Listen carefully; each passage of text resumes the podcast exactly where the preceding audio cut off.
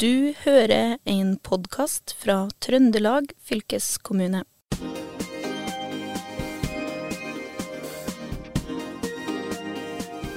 Gode historier trenger ikke være fra nåtida.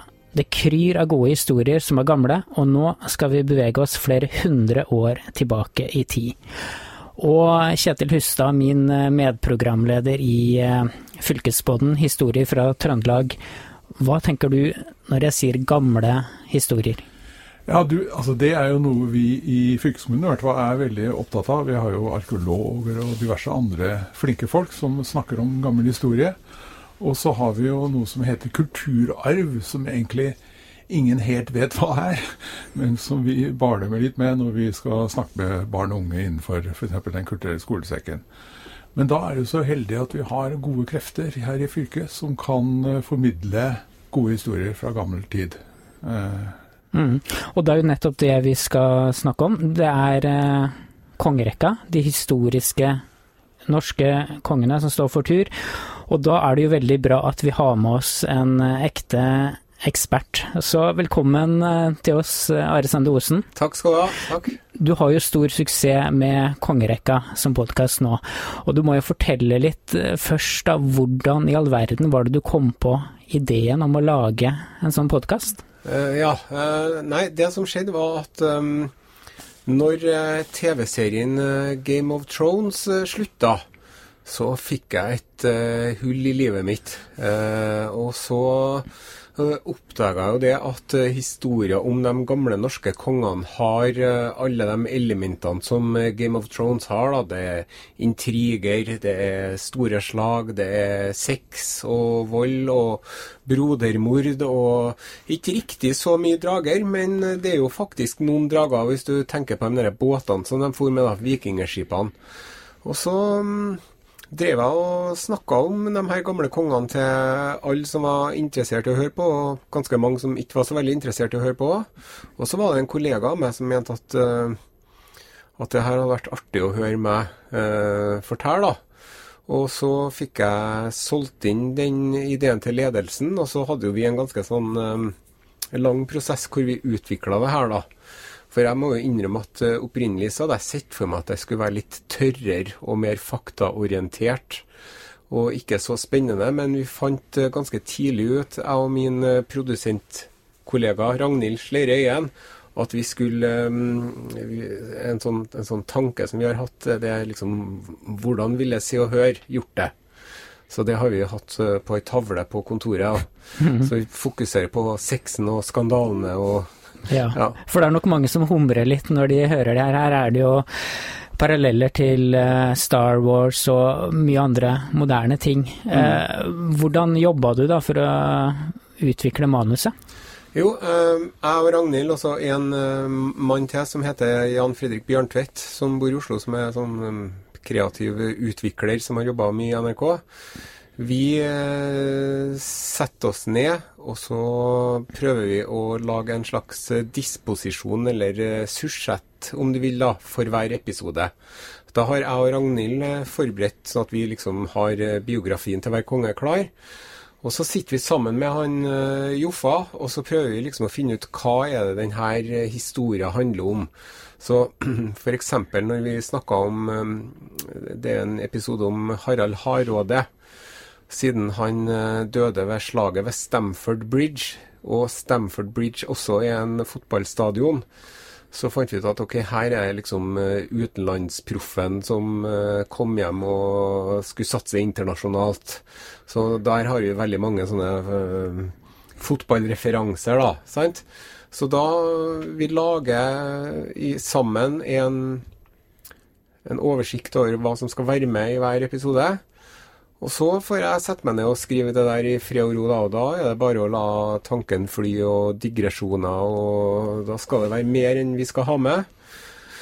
Og når jeg har skrevet det ferdig, så tar jeg og Ragnhild og ser på det sammen, og da hender det at vi strammer inn litt her og der og kutter vekk litt ting. Og det som, det som Ragnhild En av mange ting hun er veldig god til, er jo at vi har at vi ofte vi, vi, vi, skal ha med minst mulig navn. Så vi kaller den for danskekongen, istedenfor å begynne å si at, han, at det var Sven eller uh, Gorm eller uh, Knut eller Harald eller uh, For at å prøve å liksom gjøre, gjør det enkelt å følge med, da. Mm. Ja, og Kjetil, det her er jo midt i blinken for eh, Den kulturelle skolesekken også? Ja, altså vi tok jo litt bølgen da vi fikk den innmeldingen fra Are her. Han hadde lyst til, han hadde signalisert han hadde lyst til å dra rundt for, også for, for skoler. Så Are, du, du, har jo vært på en liten runde nå på skolen. og så blir dette tatt imot, egentlig? Ja, um, det er litt artig at du spør om det, for det, det, lærerne er jo over seg. Ja. så der har, jeg, der har jeg De er virkelig fans. Og det var Hun ene læreren drev og klappa og hoia og køkka og sånn. Litt mer blandet til elevene må jeg dessverre innrømme, men jeg syns at jeg når fram der og da. Men det har jo vært en, det har vært en artig utvikling for meg, i forhold, for jeg har gjort det kanskje en ti ganger. da. Ja. Uh, og så har det jo vært litt spesielt pga. epidemien og sånn, og så har jeg jo sittet og Eller jeg har stått og snakka til grupper på kanskje 10-15-20 elever. Jeg tror nok det hadde vært lettere, i hvert fall så er min erfaring at det er mye lettere når det er et fullt auditorium, enn når det sitter en glissen gjeng med litt uh, trøtte ungdommer tidlig på morgenen. Uh, men, men, jeg har um, jeg har jo fått innspill fra deg òg, for du var jo med helt i starten. Og det har endra seg ganske betraktelig fra det første foredraget jeg hadde for ungdom, og til det siste. da. Ja. Jeg tror det er lurt å ikke ha for mange forskjellige historier på en gang. Mm. Og så tror jeg det er lurt å prøve liksom å finne ting som de interesserer seg for, da. Men øh, jeg merker jo at det det er, noen som er helt med. Og så er det noen som er litt utmeldt. Og det er noe helt greit, for jeg husker nå hvordan jeg var sjøl når jeg gikk på ungdomsskolen. Men jeg merker at det er veldig artig å snakke til ungdom. Og når jeg kjenner at øh, her henger de med, så er det en veldig deilig følelse. Mm. For det er, jo, det er, jo, litt tungt og tørt stoff, som du sjøl sa, i hvert fall før du begynte. Så du har jo i hvert fall klart å folkeliggjøre det på en måte som uh, gjør at ungdommen kanskje lærer mer av det her enn å lese Snorre. Eh, ja, det tror jeg. Og, og vet du, jeg skal innrømme at noen ganger så syns jeg det er litt kjedelig å lese Snorre sjøl. Uh, men uh, når jeg har Vet du, noen av disse saga, Jeg driver hører dem på lydbok når jeg er ute og går tur med hunden. og sånn. Og så Første gangen så er det litt kjedelig, og andre gangen er det litt kjedelig. Men tredje gangen da sitter det, altså. For at det er jo veldig gode og spennende historier. Men eh, samtidig så kommer du ikke fra at det er skrevet ned for over 1000 år siden. Eller nesten 1000 år siden, da. 1200-tallet. Så, og så er det også sånn at en del ting som var veldig interessant for uh, datidens uh, lesere og lyttere, er jo slektskap. Hvem som er i slekt med hvem, og hvor folk bodde, og hvor de vokste opp, og hva de gjorde og sånn. Det er jo ikke så spennende for oss, men uh, vi prøver liksom å ta fram de store linjene. Og Snorre han, han driver og smørte på litt sjøl og innimellom. Men det er Snorre som er hovedkilden, og jeg bruker å si at det er ikke sikkert at alt jeg sier er sant, men jeg lyver nå i hvert fall ikke, da. Så vi har liksom hold i, i, i historien på at ja, det er ikke sikkert. Det er ikke sikkert at alle de historiene som Snorre forteller om, faktisk har skjedd, men, men, men han sier nå at det har skjedd, i hvert fall da. Mm. Og vi er jo i Trøndelag, og da er jo jeg litt nysgjerrig på det. Som ikke er trønder, er det noen særtrekk ved trønderske konger som du ikke finner hos de andre kongene? Ja, For det første da, så var det jo sånn at uh, helt fram til um, litt senere ute i middelalderen, 1100-1200-tallet, når man begynner å snakke om tidlig Hansa-tid og litt mer sånn internasjonal handel, da ble Bergen en veldig viktig by. Men fram til da så var det Trøndelag som gjaldt, rett og slett. Og hvis man skulle være konge i Norge, da måtte man ha trønderne med seg. For Trøndelag var et veldig mektig og viktig område, og det var Norges eh, skattkammer. Det var rike jordbruksbygder, og det var en eh, viktig maktfaktor. Så hvis man eh, ikke hadde med seg trønderne, så gikk det dårlig med kongene. Og det ser man også gang på gang. Og så, for å svare på spørsmålet ditt, da, så er det jo så at Harald Hårfagre han regnes jo som stamfaren til alle de norske kongene fram til den norske kongeætta dør ut i 1387. Eh, det er nå en sannhet med modifikasjoner, for historien mener at de eneste to som de virkelig vet er i slekt med Harald Hårfagre, er Eirik Blodøk, som var konge nummer to, og Håkon Adalsteinsfostre, som var konge nummer tre. Eh, mange andre konger skryter på seg slektskap til Harald Hårfagre uten at det nødvendigvis er noe hold for det. F.eks. Olav Tryggvason påstod at oldefaren hans var Harald Hårfagre. Var han det? Neppe. Men eh, det som er interessant, du, hvis du skal tenke på sjølve Trøndelag, så er at den, Harald Hårfagre han gifta bort uh, dattera si, og, eller kanskje var datterdattera si, til den mektige ladejarlslekten. Og dem har du jo noen av som er Om de ikke kalte seg konger, så var de i hvert fall riksstyrere av Norge, og de står i kongerekken, da. Tenker først og fremst på den Håkon Jarl, som var eh, før Olav Tryggvason. Og Eirik Jarl, sønnen hans, som var etter. Og så har du senere også Håkon Jarl den yngre, som var konge en kort periode før og etter Olav den hellige. Alle de her er jo også i slekt med Harald Hårfagre, men det er gjennom morslinja. Og den eh, brydde man seg nå ikke eh, om på den tida der. Men øh, det som er ja, og så Senere også var det veldig viktig å ha med seg trønderne, men så etter hvert så blir Trøndelag mindre viktig, og da går det litt nedover. Jeg hørte jo nettopp, for nå driver jeg og forbereder en ny sesong. Mm, sesong tre. Ja, så hørte jeg nettopp om på 1300-tallet. Da er det biskopen i Trondheim eh, kjøper seg en bygård i Bergen. For han er rett og slett nødt til å være der det skjer. Og da kjente jeg at nei, det syns jeg var litt uh, trist å høre på. Altså at uh, det har gått så ille med det som uh, fordums storhet og hvor bra det var. Mm. Men trønderske konger er i hvert fall veldig viktig. Og oppi det, det, det her, da, og har vi grunn til å være stolte av de trønderske kongene, vi som kommer fra Trøndelag, eller vi som bor her? Ja, vi altså hvis jeg skal være ærlig, så syns jeg at, at, eh, det er jo en eh, artig og spennende og en lærerik del av historien vår. Men hvor stolt man skal være over de her voldelige, psykopatiske tullingene som eh, utbytta og utnytta fattigfolk og tok seg til rette og var kun opptatt av egen ære og ri. Eh, jeg, jeg, jeg syns ikke man skal drive og, være, og kjenne på en sånn svulmende stolthet over det. Men samtidig så er det jo veldig artig å tenke på alt som har skjedd i Trøndelag, og eh, i hvert fall de første de første to sesongene av kongerekka, da, da går ikke an å kaste en stein i hele Trøndelag uten at, du, uten at den steinen lander et sted hvor det har skjedd noe eh, viktig i eh, norgeshistoria sin begynnelse. da. Slaget ved Stiklestad og Skaun med Einar Tambarskjelvet og raidet i Orkdalen som en uh, Harald Hårfagre begynte med, og Nidelva som Harald Hardråde kasta nøkkelen til kista til Olav den hellige. og eh, Fosen og Meldal og Gauldal og Byneset og Vottakammen. Vottakammen heter jo Vottakammen for at det var ei hvete på toppen av den kammen som de tente på når det kom fiender. Så Nei, det er mye artig og ja. mye spennende. Ja. Om man liksom skal slå seg på brystet og liksom kjenne at det svulmer over at man er trønder og trønderkong og sånn, det er kanskje ikke, men, men, at det er veldig mye spennende og interessant, det er sikkert. Mm. Det er som å høre en ekspert uh, står og forteller om kongerekka her, Kjetil. Og det, er, det, her er vel Are Sende Osen er vel en veldig viktig ressurs nå da, for uh, Kulturelle skolesekken, vil jeg tro? Ja, altså det er jo stor interesse for det. Det er masse skoler som har lyst til å ha besøk av Are. Så det, det har jo blitt også litt mer eh, aktuell nå. Det kommer jo i bokform, dette ja. her. Så altså, må jo oppfordre folk til å kanskje sjekke bokhandleren og se kongerekka der også. For, ja, takk for at du sier det, Kjetil. Og da må jeg få lov til å skyte inn at det tror jeg hadde vært en veldig fin julegave i de, i de tusen hjem, altså. Og jeg må få skryte av eh, han som har laga tegningene til det der, for at den boka er jo rett og slett en eh, jeg holdt på å si oversettelse til bokmål av eh, podkasten.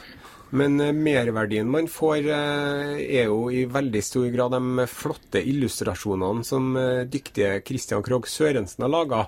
Det er hvis jeg bare får snakke litt om det, en oppsummering eh, på slutten av hvert kapittel så kommer det en eh, tabloidavis fra årtusen omtrent, som oppsummerer det kapitlet du nettopp har lest. da.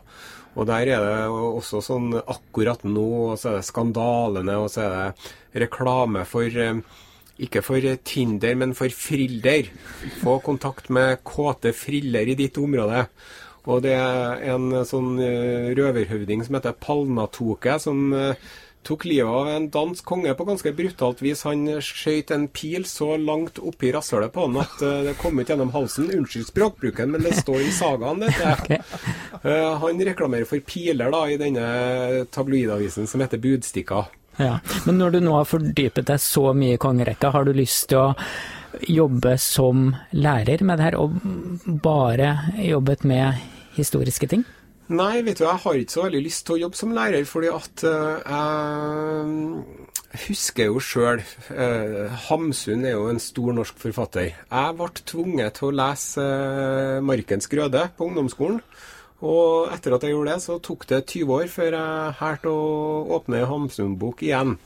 Så jeg har ikke noe lyst til å jeg holdt på å si tvinge på uimottakelige ungdommer noe de ikke er interessert i. Så jeg håper egentlig at å nå folk som tror at dette kan være interessant, da. Nå mener ikke jeg noe å snakke stygt om lærere på noe vis. de gjør en veldig viktig jobb og har en stor respekt for det yrket der og sånn.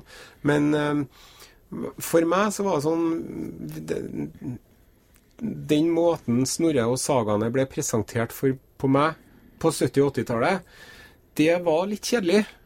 Så jeg er veldig glad for at jeg har fått gjort det litt mer sexy, og jeg håper jo også at, at det her kan få folk som har hørt podkasten til å kanskje begynne å se litt i hva Snorre skriver òg. For det er også det er jo mye gull i Snorre som vi ikke har tatt med i podkasten av plasshensyn. Mm. Det er mange artige historier som, som, ikke er med. Mm. Så det kan kanskje bli en eh, film av det her etter hvert? Ja, Det vet ikke jeg noe om, men det er noe Jeg vet i hvert fall at uh, hvis du googler Harald Hardrada på amazon.com, så får du mange tusen treff. For det finnes mange bøker om det her. Og hvis jeg hadde vært i Hollywood, så tenkte jeg at tenk, hadde jeg tenkt at ja, Hobbiten og Lord of the Rings er vel og bra, men De norske kongene, det hadde kunnet blitt en uh, filmserie på høyde med Marvel-universet, altså. Ja. ja. Jeg er jo personlig litt sånn eh, fan av en forfatter som heter eh, Neil Gaiman. og Han har jo hengt seg helt opp i de nordiske gudene og sånn, så kanskje man, du kan jo kanskje gå i kompaniskap med noen sånne internasjonale forfattere. Ja, ja. ja det kunne Jeg liker han veldig godt. Ja. Og eh, jeg leste jo den, mm, den nordiske mytene som ja. han skrev. Jeg må få slå et slag for Tor Åge Bringsvær sin boksamling, som um, handler om den gamle gudelæra.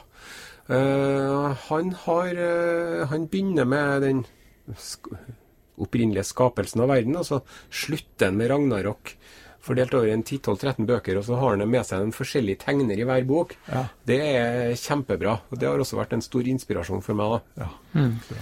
Men når du har lagd manus, du har jo vært litt inne på det her til disse episodene sammen med dine eh, medsammensvorne, som er eh, kanskje enda mer eksperter enn det du er.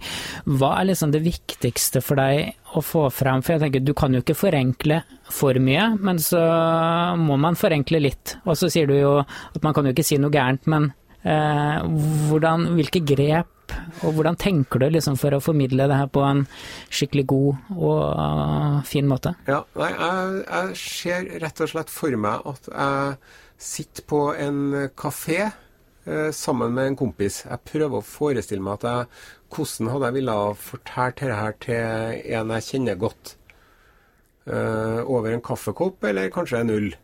Men ikke for mange ull, for da hadde det jo blitt Så prøver liksom å Hvordan hadde, hvordan hadde jeg ville fortalt dette til vennene mine, liksom.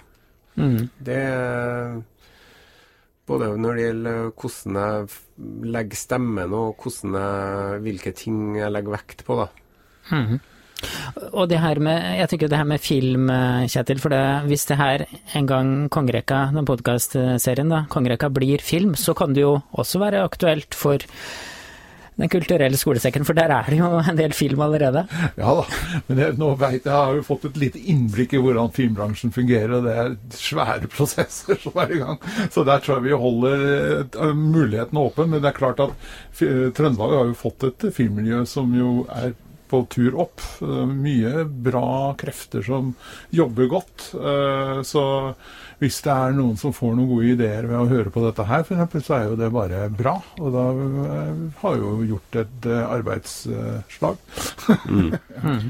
Ja, men jeg tenker at, at, ok, Trøndelag er veldig bra, men jeg tror man må ha med Hollywood da, hvis man virkelig skal ha, uh, gjøre rettferdighet overfor alle de store slagene og, og alt, og må ha med du må ha med Scarlett Johansson og, og Brad Pitt omtrent. Altså. Ja. Det, må være, det her må være en multimillion dollar big budget-serie som kan få både Dune og Star Wars og alt til å blekne, ser jeg for meg. Men tror du det kommer noe tilbud etter hvert? Når det Nei, jeg tror ikke, jeg, tror, jeg tror ikke den, verken boka eller podkasten her får så mye oppmerksomhet i utlandet som den kanskje burde. Nei, men øh, jeg, jeg, har, jeg har drevet og tenkt på at det hadde vært artig å lage en sånn engelsk kortversjon som heter 'Ancient Kings of Norway'. Mm. Og gjort det litt sånn uh, Måtte ha vært mye mye bredere strøk. Mye mer bred pensel, da. Men det hadde vært artig å lage en liten sånn um, lite hefte du kunne ha solgt til hurtigrutpassasjerer. ja, ikke sant. Men nå kommer jo etter hvert tredje sesong. Ja. Eh, og hva gjør du når tredje sesong er ferdig? Hva begynner du med da? Um, det er et godt spørsmål. Eh, for det første så må jeg bare fortelle at eh, han Snorre som har skrevet de fleste sagene, kongesagaene, han ble jo dessverre drept i 1241 for at han hadde blanda seg inn i litt sånn eh, norsk eh, innbyrdeskonflikt og satsa på feil hest. Og Det var litt synd, for at akkurat når han hadde trukket seg fra politikken og skulle fokusere på skrivinga, så ble han slått i hjel.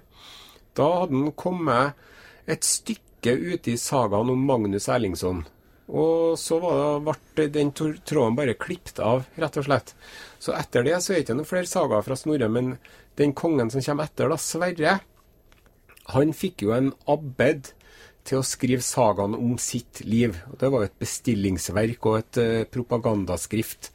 Og etter det så får du sagaer om noen konger til, fram til uh, Magnus Lagabøte, men så er det slutt.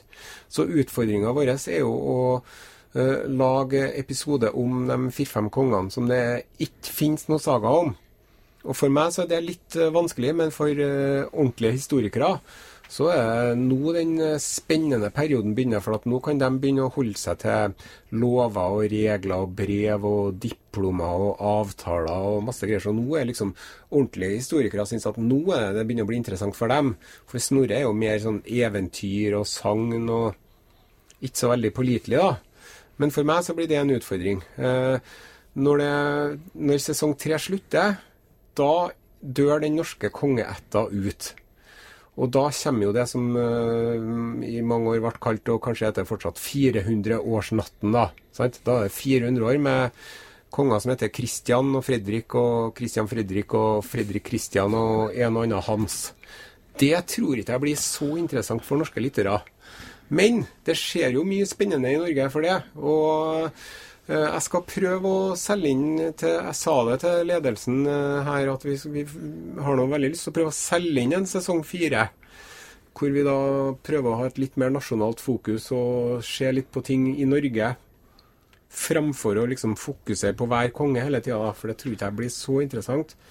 Men um, altså NRK som uh, Vi er jo, driver med folkeopplysning og er jo public service radio. Så det, det, er jo noe som passer veldig bra for bedriften å kjøre på det prosjektet her fram til ja, Den kongen vi har nå, hadde jo vært drømmen, da. Å plukke opp tråden igjen etter 400-årsnatten med 1814 og drama der, og eidsvollsmennene, og det var en prins som kom og var kongen et par uker, og så ble han ikke det likevel, og så var noe innavla svensker som uh, styrte en stund, og så kommer en Håkon, liksom, og så kommer en Olav, og så kommer krigen og nazismen og kongens nei. Og, ja, det er nok å ta tak i. Ja, så det er bare ja. artig å, å tatt det fra liksom, den første norske kongen fram til den vi har nå. Ja. Det, det, ligger jo kanskje an til en sånn der eh, gammel eh, versjon, en annen versjon av norske dansen og svensken. ja. mm. Og så har jeg også tenkt at det hadde vært artig å tatt når man er tom for norske konger, da, så har det vært artig å, å lage en eh, serie om uh, mektige kvinneskikkelser. da.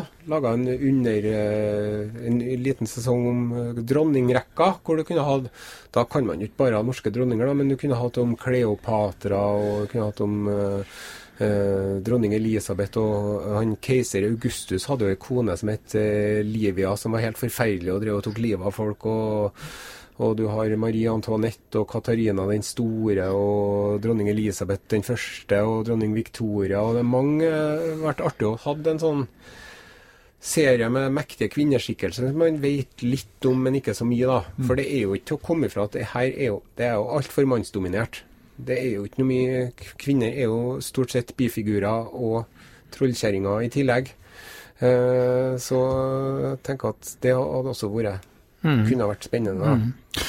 Du er jo veldig kjent for den måten du formidler budskapet på. Du sa jo litt uh, tidligere i sending her at uh, det var litt vanskelig å få med seg elever noen ganger, men uh, lærerne de var veldig med. Hva er den litt sånn artigste reaksjonen du har fått på de turneene du har hatt rundt på skoler? Nei, det var jo um, For at jeg bruker å spørre, vet du. Er det noen som vet navnet på en konge? Og så sier de ja Harald. Ja, ja bra. vet dere navnet på en konge til? Og så kommer jo Olav og Håkon etter hvert, da. Og så spiller jeg på Vet dere hvilket nummer det er på han vi har nå? Ja, fem. Ja, og hva betyr det, da? Betyr, hvor mange er det som har vært Hvor mange Haralder er det som har vært konge i Norge før han? Ja, det må bli fire. Ja, riktig. Også, men så lurer jeg dem, for at når du har um, Håkon så er det en par som eh, var konger som ikke er med i rekka for at de døde for tidlig og alt mulig sånn. Og så sier de at det har vært seks før. Ha-ha! Der tar du feil! Ja. Nei, men øh, jeg, jeg syns det er artig når, jeg, når, de, når, de, følger med. Og jeg har en sånn øh, ganske sånn uh, brutal avslutning på det foredraget mitt for ungdommene, hvor jeg forteller om et, uh, et slag under borgerkrigen i Norge, hvor det er en fyr som blir torturert. Og da sperrer jeg øynene opp og tror nesten ikke sine egne ører, for det er som tatt ut av The Walking Dead eller noe sånt. da. Det er veldig grotesk. Og da jeg husker jeg var jente som spurte gjorde de det? Så ja, det gjorde de. Så jeg har egentlig vært litt bekymra for at jeg skulle få sinte oppringninger fra foreldre som ja. forteller at ungene deres har blitt uh, traumatisert, men det har faktisk ikke skjedd. Altså. Det har gått helt fint, ja. Og, og Kjetil, hva, hva, tenker du om uh, å bruke RSN-dosen til framtidige prosjekter i, ja, inn mot uh, skolesekken? Nei, altså jeg er jo keen på det meste her, men det, det, er vel Are som må styre butikken her. For det, han er jo en etterspurt mann. Og, men har, det, er, det, er, fantastisk, rett og slett, å ha sånne historiefortellere i, i, vår nærhet. Og for min egen del så ble jeg jo hekta på kongerekta etter den episoden som heter Gunnil, konge, om Gunhild kongemor, som han da introduserer som, som egentlig en reell konge. da. Mm. Det syns jeg var en så eh, kul måte å ta tak i historien på, som eh, i hvert fall jeg likte veldig godt. Mm. Vi skal begynne å runde av her, men eh, Are, hva er det som driver deg videre nå i uh, formidling av gode historier fra Trøndelag og ja, resten av Norge? Ja, nei, jeg, nå, Akkurat nå så har jeg det bedre på jobb enn jeg har hatt det på mange år. Så jeg har jo fortsatt en uh, ti-tolv konger igjen før, uh, før den derre beryktede 400-årsnatten inntreffer. Så nå driver jeg og leser meg opp uh, så koster etter i svingene. da. Så jeg driver og hører på um, Cappelens uh, norgeshistorie på lydbok. Og så har jeg lånt meg uh, The Chronicles of Duke Erik, som er en sånn svensk hertug, som også er han, han, nevnes i den 'Jomfruen fra Norge' i boka av Tore Skeie. Eh, han og broren ender opp med å bli låst inn i et fangehull. De kaster nøkkelen i elva, og når de så endelig får åpne opp etter en lang stund, så har de ligget og gnegd på tærne til hverandre, for de var så sultne, de to der, så dem går det skikkelig galt med, da. Og så er det også Den hellige Birgitta sine åpenbaringer. For Den hellige Birgitta drev og spredde ondsinnede rykter om at en av Norges konger var homse. Og det skulle man jo ikke være den gangen, vet du. Eh, hun hellige Birgitta hun fikk jo for øvrig over 800 åpenbaringer fra Gud. Så hun høres jo ordentlig skrullete ut, rett og slett. Hadde hun levd i dag, så hadde hun blitt uh, lagt inn. Så når man er tom for kongesagaer, så må man finne en del andre sagaer. Så jeg har dere der, og så er det noe som heter Biskop Arnes saga. Og så er det Hirdsgråen. Og så er det Kongsspeilet. Og jeg har, noe, jeg har nok å lese opp. Og man føler aldri at man er ferdig utlært på dette her, da. Nei.